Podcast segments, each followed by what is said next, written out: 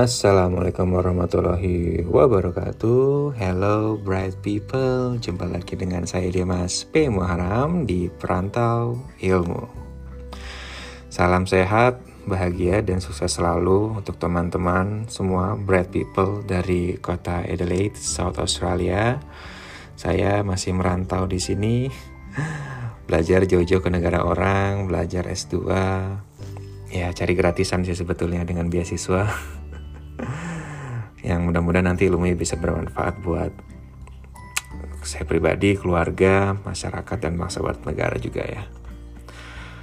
Yap, uh, bulan Desember kita sudah ada di hari pertama di bulan Desember di Australia, khususnya di satu Australia, kita memasuki bulan musim panas ya, masuk musim panas, officially masuk musim panas atau summer season. Jadi beda dengan di belahan bumi utara, kalau belahan bumi utara malah seperti di Europe atau di US itu mereka baru masuk musim dingin, tapi di Australia itu masuk um, bumi selatan ya. Nah di bulan Desember ini buat banyak orang mungkin bulan yang spesial ya, karena banyak hari-hari besar di sana, baik internationally atau nasional seperti ada Hari AIDS sedunia, Hari Anti Korupsi, Hari Disabilitas Internasional, Hari um, HAM sedunia, Hari Kawanan Sosial, dan masih banyak lagi. Tapi buat saya, buat orang yang sudah lebih dari 10 tahun ya, itu masuk di dunia pergerakan disabilitas, Uh, saya melihat bulan Desember itu sebagai bulan yang seperti sebuah etalase kepalsuan. Mengapa saya bisa bilang seperti itu? Ini sih karena kita mungkin tahu ya buat mungkin teman-teman yang disabilitas atau yang bukan disabilitas tahulah bahwa di bulan Desember itu banyak sekali event-event besar. Dan di 3 Desember itu disebut sebagai Hari Disabilitas Internasional. Saya pernah terlibat di sana, baik langsung sebagai peserta atau hanya mengamati dari jauh ya. Dan biasanya di Hari Disabilitas Internasional itu akan ada event-event besar seperti festival, ada pentas seni gitu ya. Dan nanti juga akan ada stand-stand pameran karya-karya penyandang disabilitas gitu ya. Tapi buat saya um, itu seperti tadi etalase kepalsuan. Karena sebuah event yang berlangsung setahun sekali lalu di sana dan tiap tahun agendanya sama yaitu selalu bilang bahwa ayo peduli pada disabilitas kita memajukan penyandang disabilitas kita um, mendukung penyandang disabilitas. Tetapi ya itu selalu berulang tiap tahun. Apa artinya? Kalau berulang tiap tahun ketika tiap tahun kita masih bilang untuk mendukung penyandang disabilitas, berarti dukungan itu belum terjadi, bukan? Dan um, buat saya pribadi dan mungkin juga bagi banyak teman juga yang punya background sedikit atau banyak aktivis gitu ya.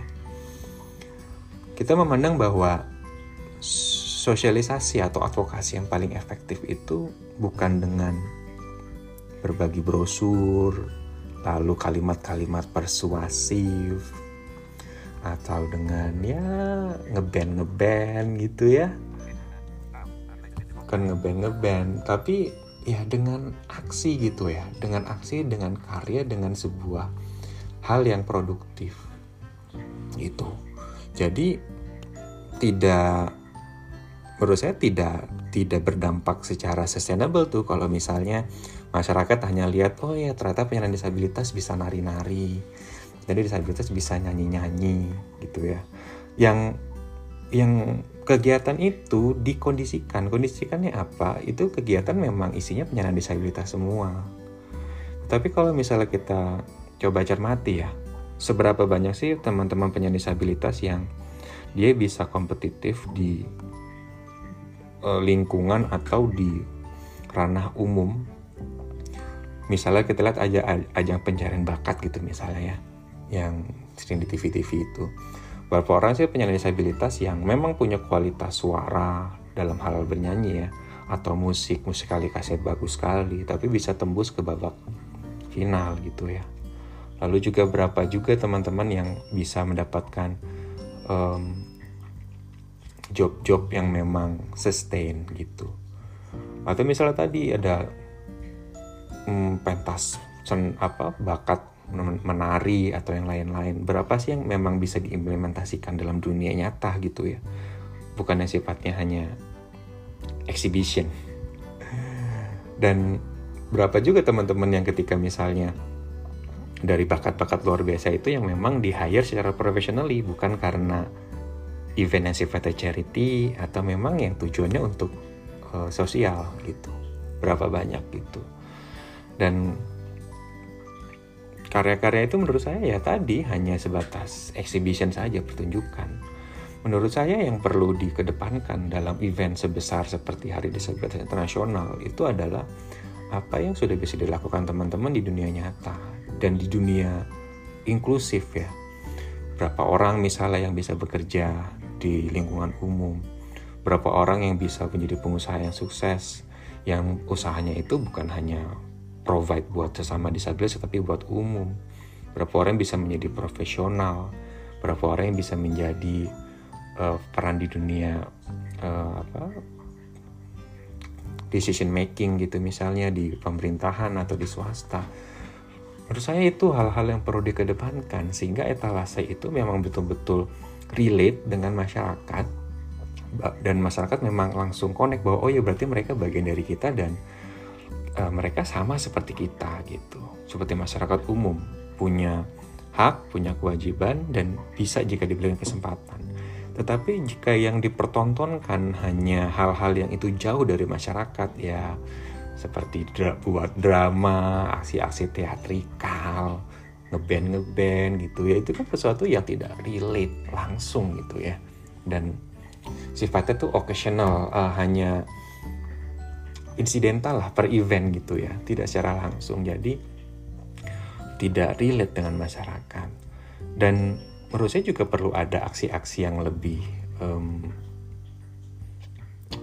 apa ya koordinatif dan juga ada efek gitu ya setelah setelah event itu. Datanganlah para pengusaha para pembuat kebijakan itu dan juga orang-orang yang memang punya kepentingan di sana gitu loh. Karena menurut kita kita sudah terlalu lama terjebak atau berkutat di level racing awareness.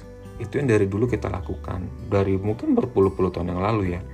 Adalah di tahap racing awareness yang menurut saya sudah tidak perlu karena di era informasi yang seperti sekarang ini di mana-mana kita dapat informasi, racing awareness itu tidak perlu mendatangi orang tetapi orang bisa mencari informasi dan tanpa orang minta pun juga akan ada informasi itu di publik gitu.